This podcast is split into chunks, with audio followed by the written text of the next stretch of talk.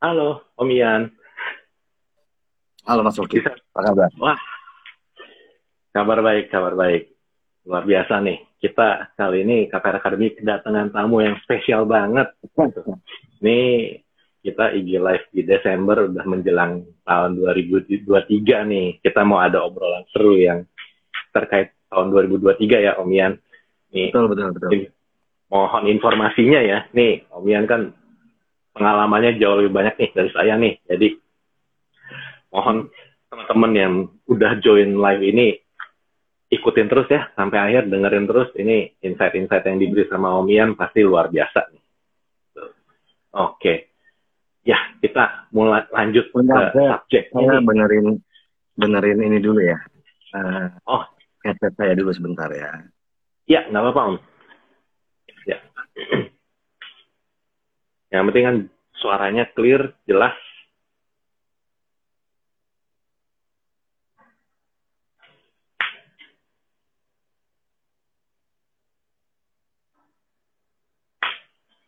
Ya. Halo, Riris. Oh, udah, udah, udah. Sekarang udah kedengeran, jelas. Hmm, Iya. Gimana, gimana, gimana? Iya. Nah, ini kita masuk ke topik yang seru nih Om Ian nih, yang di tahun Hmm. 2023 ini kan ya banyak berbagai macam pendapat lah soal nih ekonominya bakal gimana, bakal ada yang bilang gelap lah, ada yang bilang wah baiknya nanti mesti berhemat dan sebagainya. Nah, cuma di satu sisi nih yang saya tahu kan ada yang namanya eh, pepatah nih dari orang yang pernah jadi orang terkaya di dunia juga nih, namanya Warren Buffett. Dia ada ngasih Hmm. quotes nih. Nah, dia Cuma ngasih quotes, sisi yang saya tahu dia kan ada yang namanya uh, dia ngasih quotes dari eh, ke jadi para investor saham nih. Jadi kalau misal orang orang yang mau investasi saham, dia bilang gini, harusnya kamu takut di saat orang lain pada serakah, tapi serakahlah di saat orang lain takut. Jadi ya mungkin maksudnya lebih ke arah kalau orang lain pada rame-rame belanja saham yang yang mungkin nggak jelas atau yang lagi happening gitu, ya baiknya kita takut nih menghindari gitu. Tapi di saat orang lain menghindar gitu, nggak berani transaksi, nah justru kita yang harus serakah. Nah, tapi masalahnya eh, quotes ini berlaku juga nggak sih untuk dunia properti? Nih kalau karena balik lagi nih, ini kan banyak sekali influencer sana sini sana sini yang pakai quotes dari sini dari sini sana sini sana sini untuk memberikan saran buat tahun 2023 ini bagaimana gitu. Nah, Hmm. quotes yang barusan itu kira-kira cocok nggak tuh, Om Ian, buat dunia properti? Oke. Eh, asik juga sih takut kalau pada serakah. Serakahlah ketika yang lain pada takut. Seperti itu kan ya, kurang lebih ya. Betul. Simpulannya ya. Takut kalau eh, takutlah kalau yang lain pada serakah. Berarti begini, kalau saya melihatnya ini cocok nih dengan 2023. Kalau menurut saya ya, buat ini ya. Hmm. Dalam Oke. artian takut kalau pada yang pada yang lain serakah itu kalau kita masukkan ke dalam dunia properti itu cocok sekali. Dalam artian Hmm. ketika kita yang lain pada serakah di satu sisi dari sisi pengembang pasti dia akan naikin harga, Hmm. naikin Oke. naikin harga, dia tahan diskonnya karena yang lain lagi pada ini, lagi pada serakah, quote-to-quote-nya serakah. Kan seperti itu. Hmm. Tinggal Hmm, hmm, kita ngukur diri. Yang dimaksud takut di sini bisa nggak duit duit saya cukup nggak nih kalau nguber ke arah sana? Kan seperti hmm. itu, Oh. Hmm, hmm, gitu kan? Kalau memang kita tidak katakanlah punya unlimited saving ya nggak usah takut. Tapi kalau ki- yang dimaksud dengan takut, yang lain serakah kita biarin aja dulu. Kita tunggu aja Hmm. dulu. Nggak usah Karena- ikut-ikutan ya. Ya nggak usah ikut-ikutan. Karena pasti dari sisi pengembang satu dia akan tahan harga, dua diskonnya kecil. Udah itu aja. Hmm. Hmm, Ya. hmm, Kemudian selanjutnya serakahlah pada pada saat yang lain takut. Kan seperti itu. Iya. Nah, ini kan cocok di 2023 nih. Hmm. Gembar-gembor, isa isu semua, rumor semua ya bukan rumor sih ya. Kemarin beberapa hari yang lalu saya ikut eh, seminar dengan Bank BTN dalam rangka Bank BTN ulang tahun gitu. Di situ Hmm. pun juga eh, dari pihak baik dari pihak eh, pemerintah dalam hal ini eh, Bank Indonesia, Kementerian Keuangan, termasuk juga dari eh, Bank BTN sendiri, mereka bilang ya satu-satunya investasi yang aman itu properti. Gitu. Hmm. Jadi kalau dikaitkan dengan dengan eh, serakahlah ketika ketika yang lain pada saat takut, kita udah punya uang, kita udah punya tabungan, kita udah punya perhitungan matang. Hmm. Nah, tinggal satu, hati-hati dalam memilih. Seperti itu. Hmm. Kalau kita ibaratkan, misalkan kita masuk ke satu department store, semuanya branded, semuanya diskon, Hmm. gitu. Nah, kan Hmm. berarti tinggal kita kita kembalikan dulu kepada kita. Yang kita butuhkan apa? Oh. Seperti itu. Jangan Oke, gegabah, gitu. Hmm. Jadi yang dimaksud di sini serakahlah ketika kehilangan pada saat takut, serakah dalam artian kita bisa beli perumahan di A, di B, di C, lokasinya misalkan dari developer A, B, C, tapi tetap dikembalikan lagi kebutuhan kita apa. Apakah kita Hmm. untuk investasi, apakah kita untuk mau kita tinggalin sendiri, gitu. Itu sih kalau kalau saya coba coba eh, ambil kesimpulan dari quote-nya si orang kaya terdunia zamannya dulu ya seperti itu Iya. gitu. Aha. Benar, si benar. Pak Warren ini, ini ya? benar ini. Quote-nya benar. Bener ya bisa bisa bisa diaplikasikan ya. Bisa di 2023 yang lain pada takut. Kita udah punya tabungan, kita udah punya perencanaan. Udah katakanlah tinggal kita lihat aja mau datang ke mana, lokasi mana yang mau kita tuju, properti Hmm. apa yang mau kita beli. Kembali lagi, Hmm. lihat diri kita lagi. Kita maunya Hmm. beli buat apa ya? Buat gaya-gayaan Oh, kah? Buat praktis kah? Kan mbak macam-macam jadinya nantinya. Gitu. Hmm. Serakah ya serakah aja. You can spend the money. Satu hal, Hmm. properti itu nggak pernah turun. Cuman Hmm. satu-satunya di Indonesia nilai properti yang tidak pernah turun. Kapan pun tidak Hmm. pernah turun. Kalau Mhm. ada nilai properti yang turun, ayo coba kita kita istilahnya berdiskusi. Mana tunjukkan nilai properti yang turun. Seperti itu. Hmm. Ya, itu ya, sih. ya, ya. Pasti nilai properti pasti naik. Sama saat yang mau saya tekankan kembali lagi adalah jangan pernah berpikir investasi properti itu untuk jangka waktu enam bulan, satu tahun, dua tahun, tiga tahun, jangan. Properti Hmm. itu investasi jangka panjang. Kalau memang Oh. mau mau investasi per- eh, jangka pendek, jangka menengah, main proyek aja mendingan. Ketahuan. Tapi hati-hati Mhm. juga kalau kalau main, main proyek kan seperti itu jadinya. gitu. Hmm. Ya, Ya, sekarang ya, gini, ya. kembali ke eh, Mas Oki, KPR. Emang KPR ada yang Hmm. setahun, ada yang dua tahun. Kan pasti jangka panjang dong KPR. Iya betul. Itu orang Ya. super kaya sih. Cuma dua tahun. Ja- ja- Jadi begitu Mas Oki, Eh, apa pendapat saya tentang eh, statementnya si Warren ini? Seperti itu. Hmm. Oke oke. Jadi intinya saya coba mastiin lagi nih. Kan Hmm. tahun 2023 katanya gelap nih, tapi balik lagi nih. Kalau memang ada yang sudah siap nih sebenarnya udah siap transaksi, sarannya baiknya lanjut transaksi atau mendingan stop dulu nih. Tadi pertama kita buka dengan quote. Ya serakalah pada yang, yang lain eh, serakalah ketika yang lain pada takut. Kalau memang Hmm. kita sudah sudah katakanlah sudah prepare, sudah prepare kita sudah punya uang, sudah kita incar eh, propertinya, developernya siapa, lokasinya di mana, kebutuhannya apa buat kita. Beli, jangan ditunda. Hmm. Oke. Karena apa? Kembali lagi, developer atau pengembang, dia juga butuh penjualan dong. Hmm. Nggak mungkin Iya, dia iya. akan nggak mungkin dia akan akan nahan diskon, dia akan nahan harga. 2023 itu kesempatan emas buat Hmm. kita yang ingin membeli atau melakukan investasi di dunia properti. Kesempatan emas. Karena yang lain Hmm. pada takut.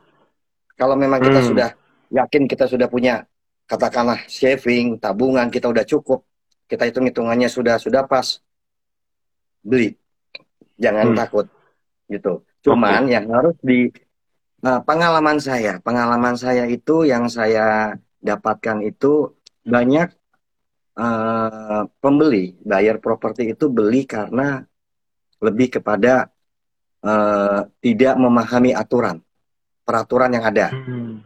gitu. Oke. Ini Mhm. contoh sederhana aja. Contoh sederhananya apa?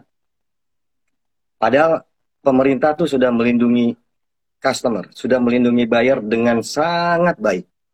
Pertanyaan sederhana saya, pernah nggak ketika kita beli properti, kita mau tanda tangan PPJB atau kita mau tanda tangan SP, kita bicara PPJB deh. Ketika kita mau tanda tangan PPJB, kita ma- main asal sodorin kita tanda tangan. Pernah nggak dibaca dulu? Pernah nggak Iya. kita baca? Minta bacain. Yang sering yang sering saya tahu sih enggak ya, langsung percaya percaya aja. Betul.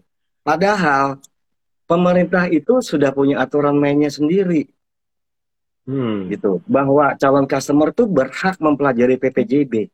Berhak loh. Oke. Hmm, hmm, hmm. Berhak loh mempelajari PPJB. Dan itu dikasih Hmm. waktu paling kurang tujuh hari kerja. Tujuh hari kerja mah lebih dari cukup. Ya, berarti kan apa di sini? Berarti kan kita bisa bisa ajak teman yang mengerti hukum, kita lihat aturan-aturan main di di PPJB seperti apa. Ini banyak yang yang customer yang miss di sini. Hmm. Banyak lah contohnya yang akhirnya proyeknya mangkrak lah, customernya nggak bisa apa-apalah. Seperti itu. Hmm. Hmm, hmm, Jadi, hmm. Kembali lagi apakah tahun depan itu tahun yang suram? Suram buat siapa? Suram Hmm. buat orang yang takut, bukan buat orang yang berani. Hmm, hmm, gitu. hmm. Karena saya Iya, iya. percaya sesuram sepanjang kita jalan lewat terowongan pasti nanti akan ada cahaya. Nggak mungkin nggak ada cahaya. Either di Hmm. tengah-tengah ada bolongan ada cahaya nongol atau nanti di ujung terowongan. Kan nggak mungkin kita jalan terowongan terus. Nggak ada Hmm. nggak ada ujungnya terowongan. Ada pintu Hmm. masuk terowongan pasti ada pintu keluar terowongan. Itu aja sih. Hmm. Hati-hati, Iya, iya. hati-hati. Itu aja. Tinggal Hmm. hati-hatinya aja. Kasihan kan buat para calon buyers yang katakanlah sudah sudah nabung, sudah eh, hitung-hitungan, terus kemudian beli akhirnya kecewa gitu. Hmm. Iya, iya, iya, iya. Betul, betul. Jadi mungkin kalau saya flashback sedikit ke tahun 2020 pas lagi pandemi itu, itu kan Hmm. banyak tuh yang istilahnya banyak yang curhat juga tuh ke KPR Academy Hmm. bilang ya, eh, waduh saya nyerah nih, saya mau balikin rumahnya segala macam gitu. Tapi balik lagi itu kemungkinan lebih ke orang-orang yang secara persiapan dia memang kurang siap gitu. Jadi jadi yang yang istilahnya incer yang oh kalau bisa DP 0% nih atau apa gitu yang dananya keluar sedikit di depan gitu. Karena sebenarnya memang eh, savingnya dia, tabungannya dia untuk belanja properti ya memang minim gitu. Nah, kalau yang kayak begitu-begitu baiknya mendingan jangan ya gitu. Jangan nekat-nekatan gitu. Walaupun ini sebenarnya ada kesempatan, tapi kalau orang yang secara dana savingnya nggak benar-benar kuat, pijakannya nggak kokoh, lebih baik jangan jangan coba-coba ya Om. ya. Ya, Atau gimana kalau, nih, Om? Kalau, kalau kalau saran saya sih ya gini, kita hidup kan harus berani, nggak boleh takut Oh. kan seperti itu. Oke. Kalau Mhm. memang kita sudah punya fixed income, kita punya Mhm. penghasilan tetap, kita bisa uh, katakanlah kita alokasikan 30%, ya ini buat kita kebutuhan kita apa? Misalkan kita butuh rumah, ya 30% ini kita cari yang kira-kira cicilannya ini ada. Hmm. Tapi Mhm. tetap kita harus fix dulu. Fix income itu tidak bisa diganggu gugat, itu wajib. Hmm. Kalau cuma Iya, ngandelin katakanlah kita ke nah mohon maaf misalkan kita kerjanya serabutan, cuma ngandelin proyek A proyek B yang katakanlah tidak bisa kita katakanlah itu sebagai fixed income. Ya susah. Bisa saja sih misalkan kita dapat proyek, katakanlah fee dari proyek besar gitu kan. Ya udah tinggal dibagi aja. Berapa sih cicilannya per bulan? Kalau misalkan Hmm. saya mau beli properti ini, cicilan ke banknya berapa? Jadi lebih baik kita bertanya. Banyak kan customer property itu kurang banyak bertanya. Itu yang Hmm. pengalaman saya di dunia properti. Jadi Hmm. ujung-ujungnya nanti bilangnya saya ditipu nih sama developer, saya ditipu nih sama pengembang, gitu. Seperti Hmm. itu. Padahal Iya, sih iya. kalau menurut saya ya harusnya dari awal dia si si calon buyers ini harus firm dulu. Kembali tadi yang Hmm. saya bilang, niche apa dia? Dia niche apa? Kalau memang Hmm. niche buat lifestyle, berarti kan savingnya udah berlebih kalau kalau buat lifestyle. Ya, ya, Tapi betul. kalau betul. memang niche-nya dia adalah first home buyer, ya berarti dia akan mati-matian itu. Kan seperti itu. Hmm. Hmm. Apa apalagi sekarang kan banyak banyak ditawarkan properti dari pengembang-pengembang ya yang saya nggak nggak nggak boleh sebutin uh, brandnya gitu Iya, iya. yang katakanlah buat first home buyer apa first home buyer entah itu landed house entah itu apartemen ya silakan saja pilihan banyak kok pilihan Hmm. 2023 yang disajikan oleh developer itu banyak percaya sama saya Hmm. banyak Mhm. gitu. Kemarin itu kembali lagi kemarin hari apa ya? Saya lupa hari-hari hari Sel- Selasa atau Rabu. Itu Hmm. Bang Beten ulang tahun itu antusias antusiasmenya para pengembang itu luar biasa. Hmm. Luar biasa sekali. Mereka Mhm. berharap mereka berharap uh, dan berpesan berharap bahwa dunia properti ini bisa katakanlah uh, titik poin untuk naik ke atas dan berpesan kepada pemerintah tolong regulasinya juga dibenerin seperti Hmm. itu dipermudah Iya, iya. itu aja sih kalau kalau kalau pendapat saya sih seperti itu jadi nggak usah takut lah gitu Hmm. sepanjang Oke, memang oke. kita sudah form kebutuhannya kita sudah benar nggak ada masalah mau DP 0% mau DP 10% Seperti itu. Oh. Yang penting memang kita sudah berhitung, nih mampu nih kita bisa jalanin. Nih sebenarnya it's okay untuk kita tetap maju jalan ya. betul betul, betul sekali Oke oke. Tapi mungkin kalau saya boleh nambahin sedikit sih, kalau dari saya pribadi eh, mungkin lebih ke kalau untuk KPR ya, buat yang ngambil KPR lebih disarankan ngambil minimal yang fixnya tiga tahun ya. Jadi jangan ngambil yang fix bunga fixnya cuma satu tahun karena kalau satu tahun nanti tiba-tiba tahun 2024 bunganya naiknya lumayan, padahal udah nggak resesi kan kacau juga gitu ya. Ini saya dapat berita nih, eh, ini baru baru baru wacana katanya tahun depan itu sekitar second quarter itu bunga bank akan naik loh 3%. Kan berarti udah harus bisa mengantisipasi seperti Hmm. itu.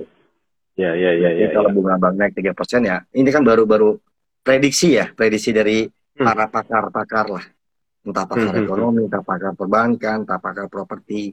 Bilangnya Hmm. apa, yang informasi yang saya dapat dan saya baca seperti itu. Hmm, oke oke. Jadi baiknya ya kalau memang yang udah siap ya jangan ditunda terlalu lama juga ya. Jangan Kalau ditunda, kesempatan kesempatan emas naik. 2023 itu kesempatan emas. Hmm, Ba- banyak banyak ini kok. Istilahnya kalau kita datang ke departemen store banyak banyak produk yang bisa ditawar, yang bisa kita ambil.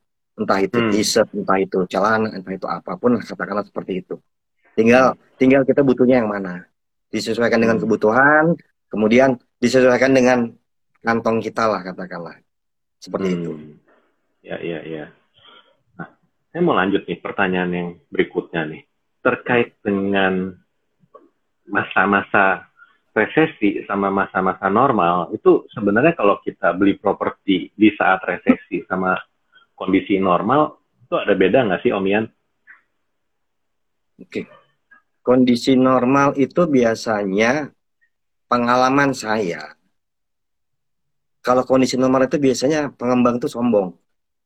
Oh, Diskonnya kecil, biasanya seperti itu. Oh, Karena kan kondisi normal. Gitu kan. Hmm. Kondisi Hmm. normal, kondisi, kondisi tidak ya katakanlah kondisi sedang baik-baik saja seperti Mhm. itu. Karena Hmm. dari dari sisi pengembang dia akan bilang eh, misalkan katakanlah kita kita eh, praktekkan secara secara inilah secara singkat. Ke sales sales pengembang dapat eh, calon customer, calon customer minta diskon 10%. Si Hmm. pengembang karena tahu kondisi sedang baik-baik saja nggak bisa 10%, 8%. Pasti Hmm. seperti itu. Karena kondisi Hmm. sedang baik-baik saja. Tapi ketika Hmm. kondisi sedang tidak baik-baik saja, berarti apa? Secara logika berpikir apa? Yang penting Hmm. jualan dong dari pengembang. Betul nggak? Betul, betul, betul, betul, Betul. betul.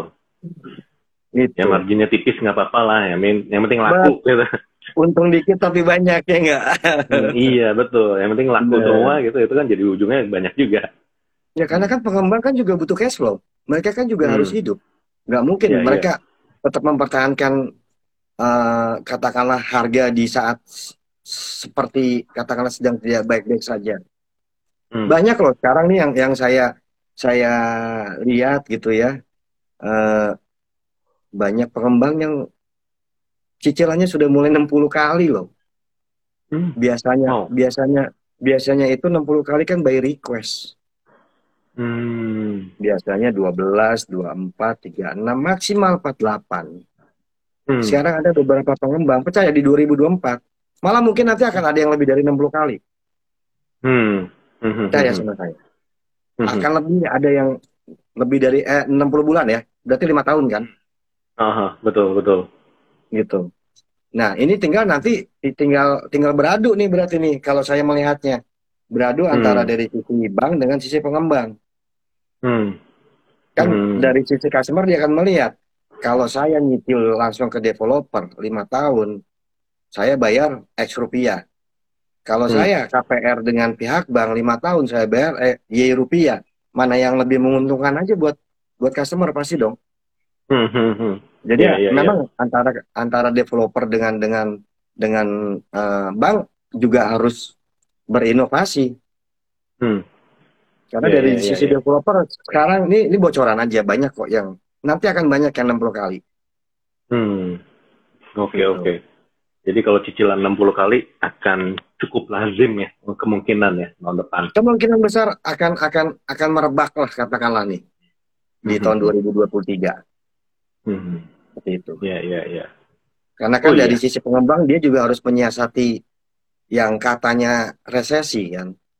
Hmm. Hmm. Hmm. yang Betul, katanya betul. tahun tahun serba ketidakjelasan lah gitu apalagi Hmm. banyak yang kait-kaitkan 2023 gelap terus Hmm. di third quarternya nanti akan ada mulai hingar-bingar hingar-bingar apa namanya eh, pilpres Oh iya pilpres betul betul. iya hingar-bingar pilpres pilkada serentak barengan sama pilpres pasti akan Hmm. kesedot semua ke ke situ Hmm. Hmm.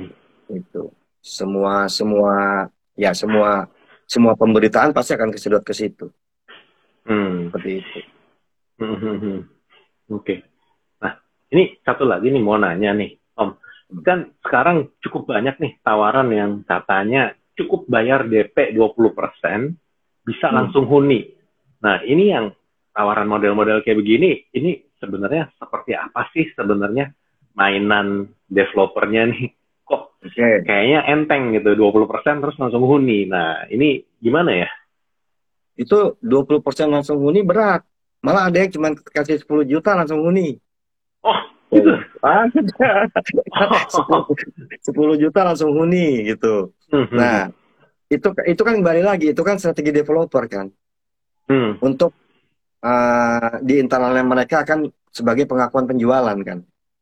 Hmm, hmm, sudah terjual nih unit ini. Nah hmm. hati-hati hati-hati dengan dengan bahasa promosi seperti itu jadi ba- banyaklah kita berhati-hati dengan bahasa-bahasa promosi biasanya Hmm. umumnya itu jatuhnya kita sewa sebenarnya ngontrak Oh, oke oke. jadi memang itu unit unit kita betul unit kita tapi konteksnya selama unit itu belum lunas be- berarti unit itu masih milik developer bukan Hmm. bukan milik kita gitu kalau unit itu oke. sudah lunas baru unit itu akan jadi milik kita Hmm. Nah, biasanya juga selain itu nanti di peraturannya dibaca baik-baik. Peraturan sewa menyewa lah gitu. Istilahnya itu per- Hmm. peraturannya peraturan sewa menyewa. Ada Mhm. beberapa poin-poin yang memang katakanlah meringankan eh, pemilik unit juga memberatkan pemilik unit. Macam-macam sih, macam-macam. Sekarang kayak Hmm. kayak rumah saya eh, anggap aja kita nyewa nyewa ngon- ngontrak rumah kan rumahnya Hmm. nggak boleh diapa-apain kan berarti kan Ya, nggak boleh betul, di- betul. nggak boleh ditingkat nggak boleh di halamannya dijebol atau apa kamarnya kita tambahin kan pasti harus ada persetujuan dari yang punya rumah kan Hmm. seperti itu Iya. itu juga Hmm. sama kalau dengan Hmm. dengan konteks bahasa promosi seperti itu itu itu juga sama itu juga berlaku gitu. Hmm. kalau misalkan sampai nggak ada tuh pak peraturan kayak gitu hebat pengembangnya hebat Gitu. Hmm. berani Hmm. Berani dalam artian apa? Nanti kalau AJB gimana ketika nanti eh, sertifikat? Kalau tiba-tiba yang awalnya itu uh, dua kamar kemudian begitu di katakanlah di sewa beli lah ya sewa beli hmm. oleh si si buyer ini jadi tiga hmm. kamar hmm. itu kan hmm. berarti layoutnya berubah nanti pada saat pertelaan nggak bisa diurus nanti sertifikatnya oh oke okay, oke okay. jadi repot malah larinya ya ke situ larinya ke situ hmm. larinya la, larinya ke situ begitu loh makanya ya ya kita terima ya dua kamar ya dua kamar kamar mandinya hmm. pancur apa eh, pancuran ya pancuran atau kamar mandinya pakai bak gayung ya bak gayung seperti hmm. itu itu sih tidak hmm. tidak terlalu signifikan ya kalau kalau kamar mandi ganti, ganti shower dengan bak gayung tapi yang konteksnya ini struktur terkait dengan struktur strukturnya berubah hmm. Tadinya dua kamar jadi tiga kamar itu nanti pada saat hmm. pentelaan susah nanti hmm. merugikan yeah. kita iya. juga gitu tapi hmm. itu bagus itu program bagus itu bagus hmm bagus dalam hmm, artian hmm. ya kita bayar let's say 10 juta atau 20 persen kita bisa langsung huni kan berarti meringankan kita kan betul betul meringankan kita banget itu meringankan hmm. kita hmm. dalam artian kita udah nggak perlu mikir kontrak rumah hmm. katakanlah betul. misalkan kita kontrak rumah let's say lima dua tiga juta lah sebulan hmm. itu rumah rumah rumah orang kan begitu hmm. males hmm. banget hmm. kan nah kalau kita hmm beli satu rumah juga dengan dengan kita nyicil sama 2 sampai 3 juta per bulan. Katakanlah selama hmm. 10 tahun itu rumah kan punya kita. Hmm. Nah, kalau ngontrak yeah, yeah, 10 tahun itu tetap bukan punya kita rumahnya. Betul kan? Iya, iya. Itu sih. Betul, betul, Menarik. betul. Hmm. Tapi, Tapi hati -hati. yang terpenting berarti aturan mainnya ya, berarti ya. ya jangan betul. jangan disalah-salahin. Maksudnya ini seakan-akan uh, kita memang bisa nempatin tapi ya jangan diobrak-abrik lah kalau diobrak-abrik berarti malah jadi susah sendiri ya betul betul betul betul oke okay. ya om ini kebetulan ada yang nanya nih uh, hmm. nih Eric Red Jacket nih uh, mohon izin nanya untuk uang cash yang harus disiapkan untuk ajukan KPR ini berapa nah mungkin kalau dari saya mungkin kalau yang umum nih umum itu bank-bank biasanya nerimanya DP mesti siap 15 persen gitu. Tapi mungkin uh, Om Ian bisa lebih banyak pengalaman juga nih kalau sisi propertinya sendiri nih. Sekarang uang cash yang harus disiapkan, disiapkan dalam pengertian untuk lanjut ke KPR kan seperti itu ya? Hmm. Betul kan ya? Betul. Betul, Betul. kan ya? Nah, hmm. KPR ini kan ada yang DP-nya 10%, ada yang DP-nya 15%, ada juga yang 20% kan seperti itu kan? Hmm, betul. Nah, tinggal tinggal bicara itu DP itu bisa dicicil berapa kali. Hmm. Itu okay. aja. Gitu. Hmm, hmm, hmm. Kalau kalau kalau ditanya berapa uang cash yang disiapkan sekarang tergantung dari berapa nilai properti yang mau dibeli. Hmm. Misalkan mau beli nilainya nilai properti 500 juta misalkan rumah. Ya kalau saya sih supaya safe, the worst-nya kita siapkan 20% sampai 30%. Hmm. Hmm. Gitu. Apakah nanti itu kita bisa melakukan negosiasi dengan pengembang. Bisa nggak nih 20 persennya saya cicil 12 kali hmm. atau 24 kali itu kan lebih lebih ringan lagi kitanya kan. Hmm. Seperti itu. Hmm. hmm, hmm. Itu sih. Yeah, Jadi yeah. kalau pertanyaan spesifik uang cash yang harus disiap apa harus disiapkan susah susah susah juga jawabnya. Tergantung hmm. dari nilai properti yang mau dibeli kan berarti. Hmm, hmm, hmm. Betul betul. Tapi berarti patokannya berarti rumahnya nilainya berapa, baru kita hitung turun ya. Iya, gitu aja. Patokannya patok patokannya begitu aja kok. Kan DP sekarang kan dari harga dari harga jual kan? DP rumah dari iya, harga betul. jual. Kan? Iya. Betul, betul. Harga rumahnya 500 juta ya kita siapkan 20 20 persen lah. Gitu. Kalau hmm. memang kita belum punya rumah, pemerintah kan kasih kasih keringanan. Bank juga kasih hmm. keringanan. Bisa DP hmm. DP cuma 10 persen, betul nggak? Aturan itu hmm. masih hmm, ada hmm. kan? Masih, ya. masih, masih. Betul, Aha. itu aja. Hmm. Tinggal nanti dari pihak bank menyetujui atau tidak, dilihat kredibilitas si calon nasabahnya ini kan. Hmm, ya betul, betul, betul.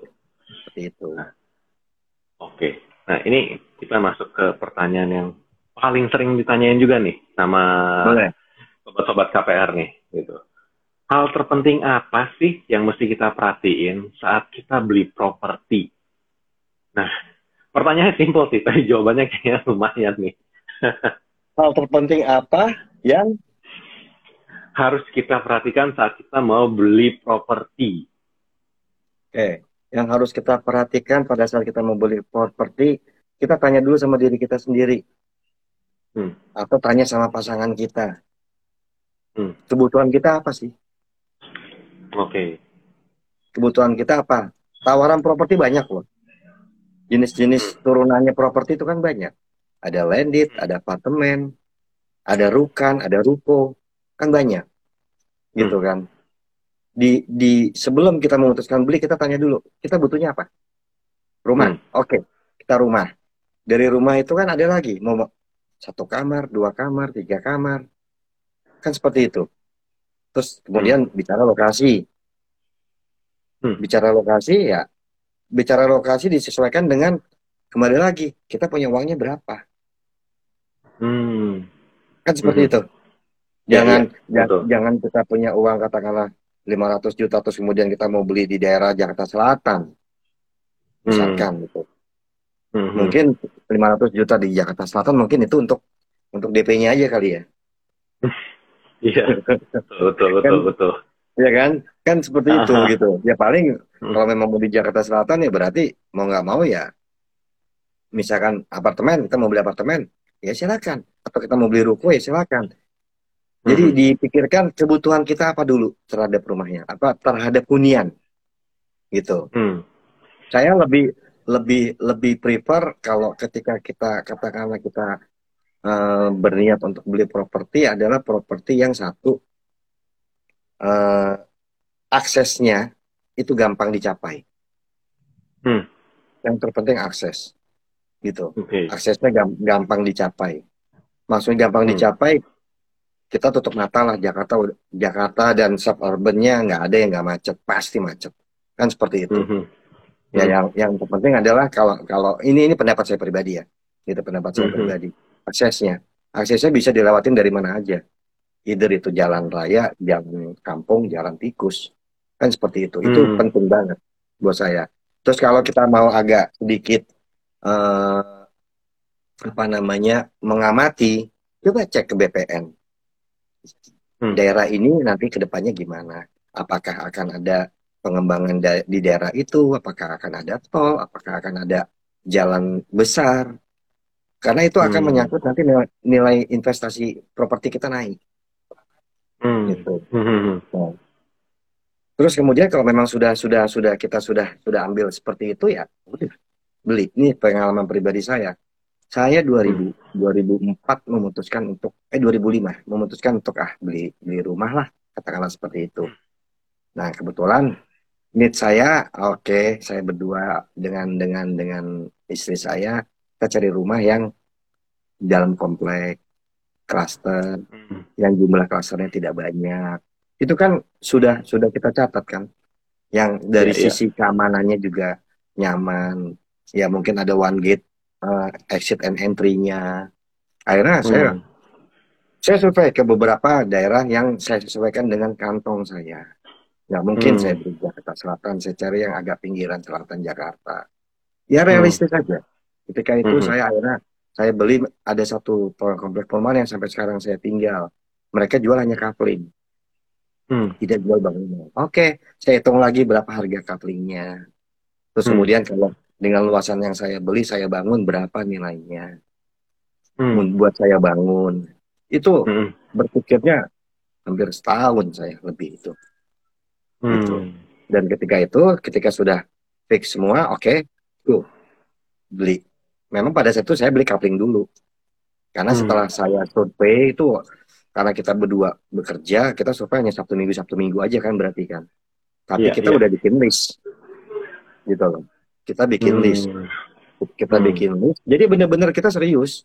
Serius dalam artian Hmm. beli, ya, beli properti itu buat sebagian orang yang memang membutuhkan hunian itu penting kan. Jadi nggak Hmm. nggak boleh sembarangan, kecuali investor. Betul. Betul, Gitu. betul. Hmm. Kecuali, investor. Akhirnya ya kita putuskan, oke, kita bangun, kita tinggali tahun 2007 saya tinggal di sini. 2007 saya Hmm. tinggal di sini. Dan dari 27 saya tinggal sampai sekarang 2022 berarti 15 tahun ya. Hmm. Itu nilai properti saya dari yang awal saya beli udah berkali-kali lipat nilainya. Hmm. Berarti Iya, iya, iya, nggak iya. turun kan? Properti itu nggak turun. Mhm. Nilai properti itu nggak pernah turun, pasti naik. Hmm. Beda dengan beberapa negara. Katakanlah, saya nggak mau nyebutin negaranya. Di negara-negara Hmm. di luar sana nilai properti malah turun. Ketika bangunan udah jadi malah nilainya turun. Harganya Mhm. malah turun. Beda kalau di Hmm. Indonesia tuh yang namanya harga tanah itu nggak pernah turun. Hmm. Sementara harga tanah banyak ya? pasti. Nah, seperti itu. Jago kalau ada harga tanah turun jago, sumpah. Gitu. Mhm. Ya, Kayak ya, kemarin ya, ya. Saya ngobrol sama teman kan. Jadi sebelum sebelum kita ngobrol ini saya tanya apa ya kita ngobrol-ngobrol ngopi-ngopi. Dia Hmm. tuh bilang seperti itu. Apa harga properti nggak pernah turun? Emang iya. Tapi Hmm. gue turun tuh jual rumah. Oke, berarti harga pasar kan bukan harga properti. Beda loh harga pasar dengan harga properti. Harga properti kan Hmm. harga aset kita. Mhm. Kita dia cerita, gue dulu beli rumah harga satu setengah m, dia bilang gitu. Sekarang gue Hmm. jual gue jual harga pasar 3 m susah kejual. Terus ya udah gue jual aja 2 m. Laku, laku. Itu naik nggak? Naik. Ya udah, properti lu naik nilai asetnya. Iya, betul.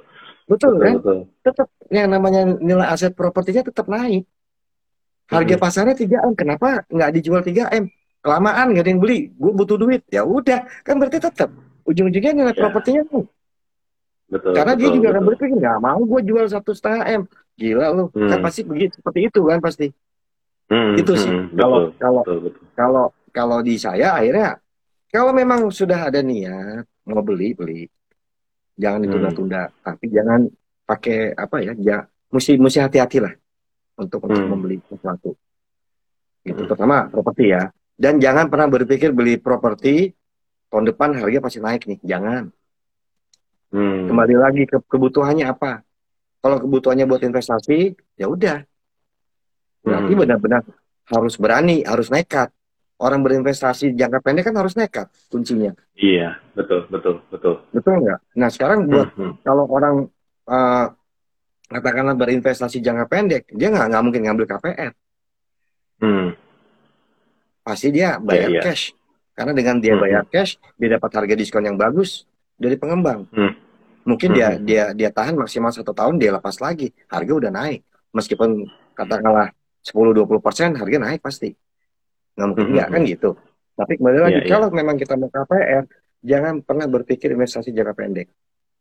Hmm. Investasilah jangka panjang. Hmm. Nggak mungkin nggak naik. Nggak mungkin nggak naik. Harga properti itu nggak mungkin nggak naik. Banyak kok teman-teman saya yang tinggal di daerah BSD gitu ya. Hmm. Kan sekarang perkembangannya cepat sekali tuh BSD. Juga di Jakarta Hmm. Timur juga cepat sekali perkembangannya. Yang Hmm. katakanlah dulu bercanda-bercandaan sini mah susah tempat jin apalah buang anak lah segala Iya. macam. Sekarang udah udah ngerasain nikmatnya mereka. Aksesnya gampang, Hmm. ke mana-mana mudah. Hmm. Ya it- itulah yang yang dimaksud dengan dengan dengan dengan properti nilai Hmm. investasi properti itu itu Hmm. itu Iya, iya, seperti iya. itu jadinya. Oke. Om, ini kita eh, jawab pertanyaan dulu ya. Ini kebetulan ada yang nanya nih. Eh, izin tanya, cara hitung bunga floating gimana ya? Nah, ini mungkin saya jelasin sedikit. Ya, Kalau yang judulnya bunga floating, ini eh, tergantung dari kebijakan banknya tersebut. Jadi kalau teman-teman mau ngambil KPR nih, misalnya itu yang konvensional nih, yang fixnya cuma sekian tahun, terus ada bunga floatingnya. Nah ini teman-teman mesti nanya, ini bunga floatingnya nanti eh, di berapa gitu. Tapi pasti akan dijawabnya kalau nanti jadi berapa pasti nggak tahu. Nah, setidaknya teman-teman minta patokan supaya teman-teman ada gambaran nih, bunga floating saat ini yang berlaku berapa. Nah, ini ada beberapa bank yang kadang suka eh, jawabnya orang sales KPR-nya nih jawabnya muter-muter. Nah, kalau yang udah kayak begitu, ya udah deh, eh, mendingan coba tanya ke bank lain yang lebih transparan nih kalau ngomongin soal bunga gitu. Jadi pastikan teman-teman tahu bunga floatingnya saat ini berapa, supaya ada gambaran gitu. Ini fixnya berapa, saat ini floatingnya berapa. Nah, teman-teman coba simulasiin aja langsung. Jadi loncatnya kira-kira berapa gitu.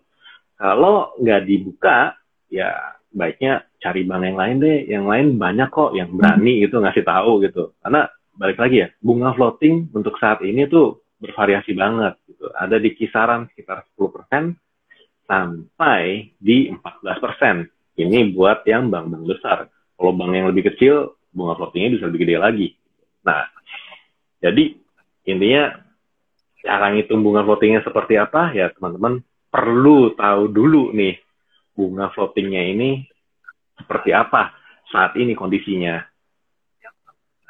Nah, ini ada pertanyaan berikutnya lagi nih. Nih, mungkin lebih cocok ke uh, Omian nih. Gitu. Gimana, gimana? Ya. Halo, selamat malam.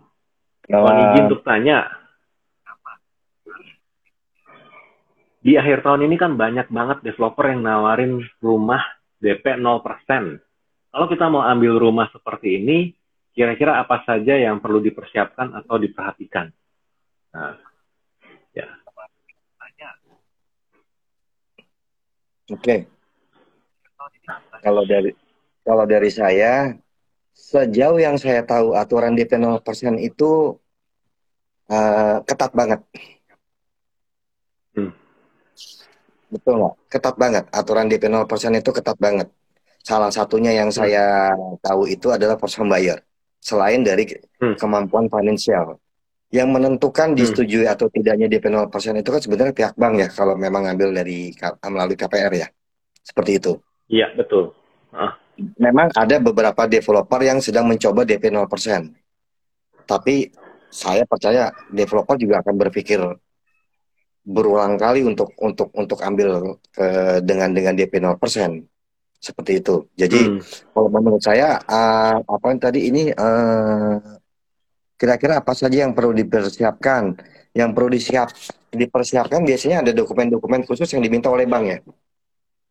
Hmm. Kalau memang melalui hmm. bank gitu entah itu rekening tabungan sampai dengan NPWP, KTP itu biasanya mereka akan lakukan BI checking seperti itu kan ya. hmm. ya gitu hmm. ya yang harus dipersiapkan lebih kepada dokumen sama yang kedua ya kalau memang kita sudah sudah melihat hitung hitungannya itu masuk dan sesuai dengan katakanlah kemampuan kita ambil kesempatan hmm. tambahan nih hmm. buat siapa namanya question ya minta uh, diskon Tara, Tara Basreng. Oh, Tara Basreng. Oh, Tara Tara Basreng, minta tambahan diskon aja sama developer. Hmm. diskon ada lah ya. Iya, gitu. Udah ada diskon, minta tambahan diskon lagi aja. Gitu. Hmm. Karena biar biar bagaimana kalau pengembang dari sisi pengembang juga terjadi penjualan kan mereka juga akan bersemangat kan. Hmm. Yang banyak iya, pengakuan ya, ya. penjualan kan, iya. Pengakuan penjualan pasti ada dong nggak mungkin nggak lah. Gitu. Hmm, hmm, hmm. ya ya ya. Oke. Ini untuk pertanyaannya nah, sebentar masih ini. Nah nah om nih kebetulan baru inget juga nih. Nih hmm. banyak yang nanya juga nih sama KPR Academy karena ada modus-modus yang agak lucu nih kayaknya. Kalau menurut saya lucu ya. Lucu hmm. tanda tanda petik tapi. Jadi ada orang yang dia udah mau beli nih, dia udah kasih booking fee, udah lagi proses KPR gitu. Tapi suatu ketika dia berubah pikiran, ah, kayaknya rumahnya kurang cocok deh di sini gitu. Saya mau batalin aja. Eh, pada saat dia bilang mau batalin, ternyata malah dia diuber-uber sama uh, sales developernya dibilang mesti bayar denda sekian. Gitu. Padahal ya persetujuan KPR juga belum ada gitu. Terus juga uh, belum tanda tangan PPJB atau apa pun gitu. Nah, ya paling cuma surat pesanan kali ya yang ditandatangan gitu yang pas di hmm. awal kan karena bayar booking fee kan. Nah, hmm. nah ini sebenarnya kalau ngadepin yang ngancem-ngancem soal denda ini gimana ya Om ya? Kalau ngancem-ngancem soal denda nggak usah takut. Hmm. Nggak usah takut. Nggak usah takut dalam dalam artian begini. Sebenarnya dari awal nih uh, kita sama-sama brainstorming aja ya buat uh, yeah sobat KPR yang berniat untuk membeli properti entah itu buat uh, first home buyer ataupun buat investasi hati-hati ketika pegang pulpen untuk tanda tangan dibaca hmm. baik-baik hmm. pasal demi pasal yang ada di dalam situ seperti hmm. itu hmm.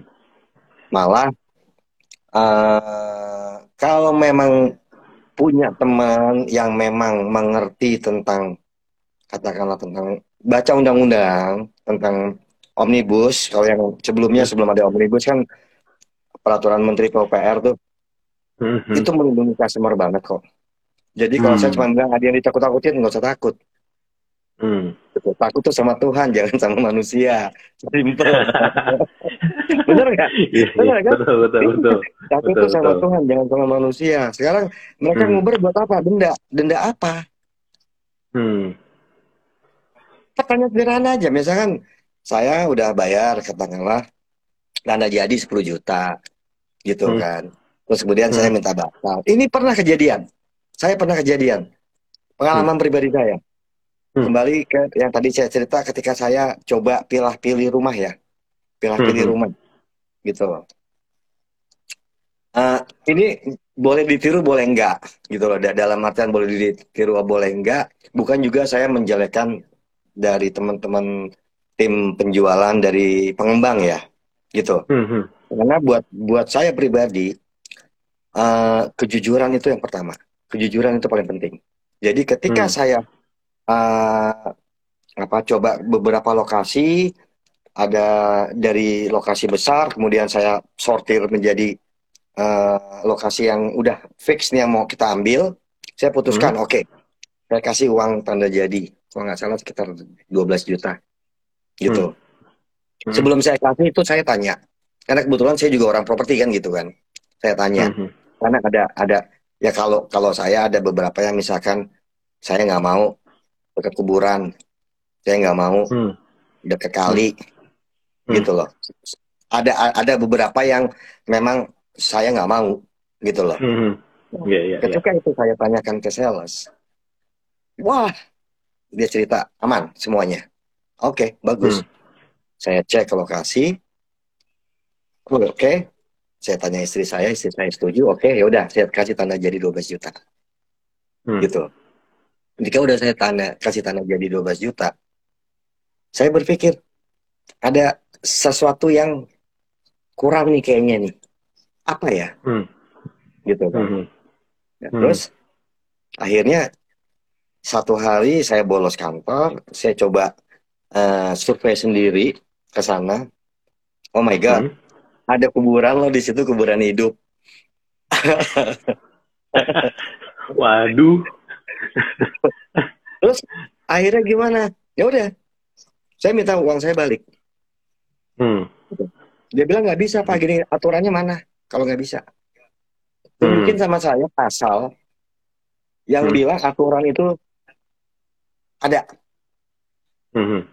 ini buat buat teman-teman eh, buat sobat eh, sobat KPR nih Hmm. di peraturan omnibus kalau kita sudah beli unit bangunan tidak tidak jadi-jadi itu uang biar berhak balik 100% loh Oh, pada tahu oke. kan? Iya, iya, itu iya, berhak iya. balik 100% loh. itu Hmm. peraturan omnibus jelas-jelas peraturan omnibus Hmm. tinggal ya memang tinggal kita berani nggak kita minta misalkan bunga paling developer eh, pengembang akan bilang potong pajak ya pajak yang udah dibayar Ya, ketika kita Hmm. berani bahwa kita nggak mau uang yang harus Hmm. kita setor balik 100% itu Hmm. dilindungi sama pemerintah itu makanya kalau saya mengacu ke saya kemarin ya akhirnya saya cuman bilang gue minta uang saya balik Hmm. anda penipu anda bisa saya Hmm. bilang anda penipu karena apa ketika saya beli saya ada saksi istri saya Hmm. saya ada satu Mhm. ibu mertua sama ibu saya. Ini saksi loh. Hmm. Hmm. gitu. Akhirnya ya oke pak kita proses. Dua minggu uang saya balik. Tapi tidak ada bunga ya pak nggak apa-apa. Jadi kalau buat buat saya tadi pertanyaannya Mas Oki gimana nih? Om teman-teman yang tak ditakut-takutin kayak gini nggak usah takut. Hmm. buka-bukaan aturan aja. Nggak usah Hmm. takut.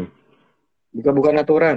Kan sekarang di zamannya Pak Jokowi kan semua terbuka Hmm. gitu kan kita buka-bukaan aturan aja ada nggak aturannya kasih unjuk ke kita kan Hmm. kita hidup harus dengan aturan kan jangan Iya, bikin aturan betul. sendiri Betul, betul kan? betul, itu betul. aja Betul. Hmm. Hmm. gitu pesan saya cuma satu ketika tanda tangan pegang pulpen baca gitu. Hmm. tadi di depan udah saya kasih bocoran loh PPJB berhak Hmm. loh kita baca dulu customer berhak membaca dalam waktu tujuh hari kerja loh. Jadi jangan mau tuh disodorin begitu aja tanda tangan. Jangan Hmm. baca dulu. Hmm. Iya iya iya. Berarti kalau perlu kita minta bawa pulang dulu ya. Saya bawa pulang dulu. Bisa, nih. bisa, bisa, bisa gitu. kita. Ada beberapa developer yang eh, kadangkala dia kasih soft copy-nya dulu buat baca atau kasih draft copy-nya atau ada juga developer yang bapak kalau mau baca di kantor. Ya udah kita datang ke kantor lah. Hmm. Kita misalkan itu kan tebal loh kan, PPJB Hmm. tebal loh. Kita 90 Iya. halaman. Misalkan hari Hmm. pertama kita cuma baca 15 halaman ya datang lagi aja besoknya. Betul. Developer Udah capek tidak- ya berhenti dulu ya. tidak boleh tidak tidak boleh neken kita untuk segera tanda tangan PPJB nggak ada dasarnya seperti itu jadi Iya, benar-benar iya, iya, iya. apa ya yakin aja lah yakin berani aja Hmm. berani nggak usah takut Mhm. gitu Oke, Karena- oke. kalau memang itu developernya katakanlah dia benar dalam artian benar eh, menjalankan aturan juga ma- mereka juga takut kok Hmm. gitu Ya, ya. Oke. Nah, ini kebetulan ada eh, ada pertanyaan lagi nih. Cuma ini ini saya coba eh, jawab singkat aja ya. Nih ada Hmm. kebetulan kaitannya lebih ke KPR nih. Eh, izin tanya, apa kalau saya take over KPR Bank itu sebetulnya lebih menguntungkan atau sama aja gitu? Nah, sebenarnya balik lagi sih, prinsipnya sih kita mesti ngitung ya, gitu. Ngitung pada saat ini kita mau pindahin, sisa pokok utangnya nih masih ada berapa, sisa jangka waktunya berapa, dari bunga berapa ke berapa.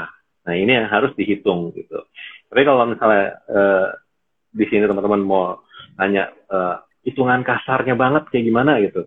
Nah, kalau pinjaman teman-teman itu udah di bawah 150 juta, saran saya ya udah deh, mendingan nggak usah take over gitu. Karena itu secara biaya kemungkinan besar akan kecil sekali benefitnya buat teman-teman gitu. Tapi kalau masih di atas itu, teman-teman bisa coba gitu. Dan untuk memudahkan, teman-teman ajuin take over-nya lewat KPR Academy aja gitu, lewat website kpracademy.com. Nah, ini nanti teman-teman pasti dibantu sama uh, tim expert KPR Academy. Oke, nah ini ada ada lagi yang curhat nih. Kalau habis akad kredit dapat bunga anuitas berjenjang selama lima tahun, tahun pertama masih 2,8, kelima hampir 5 juta. Eh, maksudnya gimana ya? Ini ya mungkin bunganya berjenjang ya, gitu dari tahun ke tahun mengalami peningkatan ya. Ya kalau teman-teman udah dikasih tahu angkanya jadi berapa ya, dan teman-teman apalagi ini udah habis akad juga, berarti udah sepakat juga kan ya. Ya berarti ya udah tinggal jalani aja sih gitu. Nanti kalau memang teman-teman ngerasa loh kok nih ada yang nawarin bunganya lebih rendah gitu atau teman-teman mau coba pertimbangkan take over nah nanti coba diajuin aja deh lewat kpracademy.com nanti tim kami pasti bantu untuk kasih masukan ke teman-teman juga. Hmm, Gitu. saya boleh nambahin nggak tadi yang katanya kok dalam lima tahun bunganya tiba-tiba naik? Boleh boleh Ini- banget om. Eh, gini, ini buat sobat KPR yang mau katakanlah mau beli baik itu langsung developer atau lewat bank, banyak tanya deh. Jangan hanya diem, banyak Hmm. tanya. Banyak tanya dalam artian ya tadi di awal kita udah eh, infokan biasanya bunga itu fix tiga tahun, kemudian ke- tahun keempatnya itu naik, bunganya fluktuatif segala macam seperti itu kan. Itu kalau memang nggak tahu lebih baik tanya. Hmm. Karena nanti kalau nggak tanya, yang rugi ya kak, ya kita kita juga yang rugi. Gitu kan. betul Ya kalau kayak gini kok tiba-tiba banyak kok teman saya juga gitu. Aduh, bunga gua bunga KPR gua naik nih sekarang biasa gue bayar X rupiah sekarang jadi X plus rupiah. hmm. Ya saya cuma bilang, emang lu nggak tanya di awal. Paling nggak Hmm. kan pihak sales bank itu kan harus pinter dong hitung-hitungannya. Misalkan Pak ini asumsi ya Pak, nanti tahun keempat Bapak jadi X plus 2. Hmm. Kan pasti ada dong asumsi seperti itu Hmm. kan. Tanya. Memang banyak-banyak banget, banyak banget. Baik itu yang first home buyer, baik itu yang investor. Itu beli properti karena apa ya? emosionalnya ya main asal beli ah, wah, Hmm. cepet beli ah gua ah faktornya Hmm, banyak hmm, gitu di situ gitu loh Hmm, hmm, hmm. Iya, iya, tapi iya. ya ujung-ujungnya ya kalau kita nggak beli properti beli properti kan bukan kayak beli baju Betul, betul. ya kan iya Betul, betul, betul. banyak tanya aja banyak tanya saya beberapa beberapa ini beberapa teman-teman saya juga saya bilang lo kalau mau beli properti banyak tanya jangan diem gitu Hmm. loh yang ada Hmm. di kepala kita ketika tim sales bicara jelasin A B C D F G kayaknya ada yang nggak cocok nih tanya aja kayaknya Hmm. ada yang nggak sesuai nih tanya aja tanya Hmm. banyak tanya Hmm. jangan cuma diem banyak tanya harus banyak tanya jangan diem Hmm. supaya Jadi, the end tidak kejebak hmm. Ya, ya, ya, Kan- betul. kan akan bilang wah dijebak gua nih padahal nggak dijebak gitu kan Hmm, harusnya di awal tanya hmm. gitu Betul, betul. Nah, eh ini jadi keinget nih, dulu ada teman saya yang dia bilang, wah, habis lihat-lihat nih properti di satu developer gitu, lihat rumah Hmm. contohnya, wah keren banget gitu. Hmm. Terus dilayanin sama sales developernya juga ya ya good looking semua kan gitu. Hmm. Jadi wah, bilang, wah kayaknya ini ini cocok banget gue di sini gitu. Jadi nggak pakai pikir panjang dia udah langsung kasih tanda jadi langsung segala macam. Terus baru mikir-mikir lagi, eh tapi itu jauh juga sih ya dari dari tempat dari kantor gue ya. gue cobain dulu deh. Gitu begitu dia nyobain bolak balik. Oh, ternyata kalau di hari kerja kayaknya capek banget nih.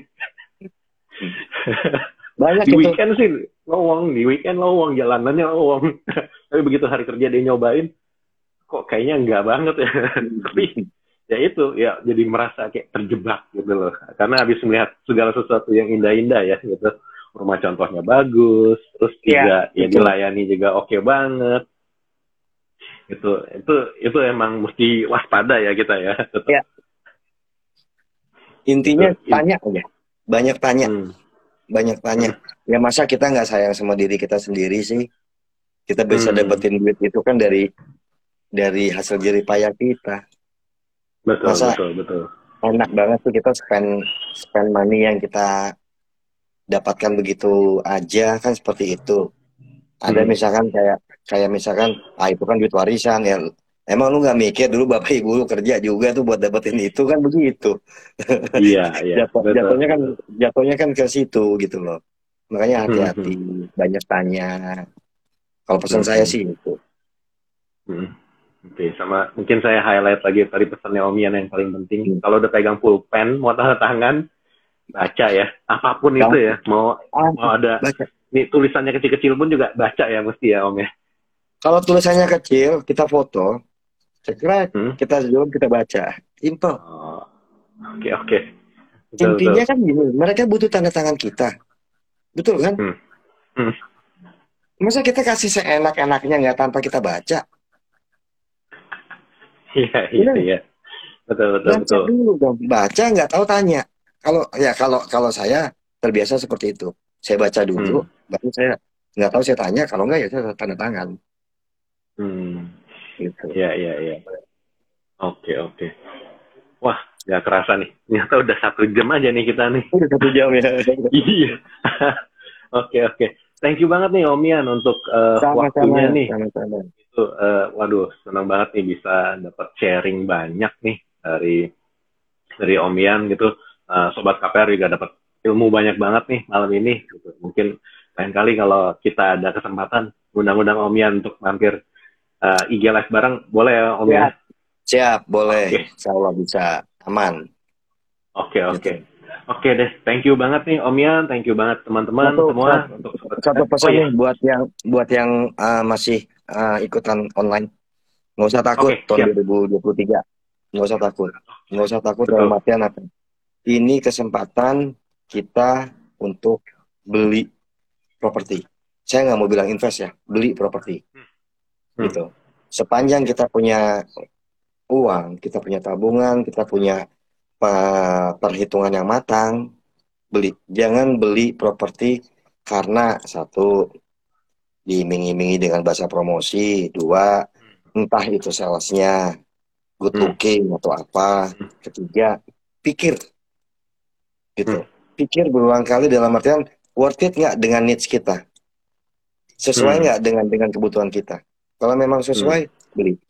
Kesempatan, bocoran, Hmm. pengembang itu pasti akan kasih kelonggaran pembayaran, diskon yang lumayan, seperti itu. Oke.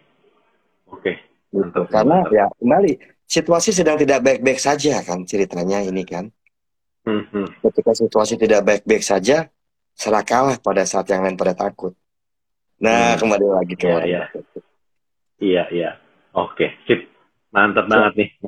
Eh, pesan penutup dari Om Yan. Gitu. Jadi teman-teman jangan takut ya. 2023 kalau memang udah siap, just go ahead. Gitu. Lakukan saja. Jangan Ya, betul. lewatkan justru. Jangan lewatkan kesempatan ini. Jangan, jangan, jangan, jangan, jangan, jangan dilewatin, jangan. Gitu. Oke. Baca, baca media boleh, silakan dibaca media. Dengar kanan kiri, silakan dengar kanan kiri. Tetap kembali lagi needs-nya kita apa, itu aja. Oke. Ya, siap. Nah, thank you banget Om Yan untuk Sama-sama Mas.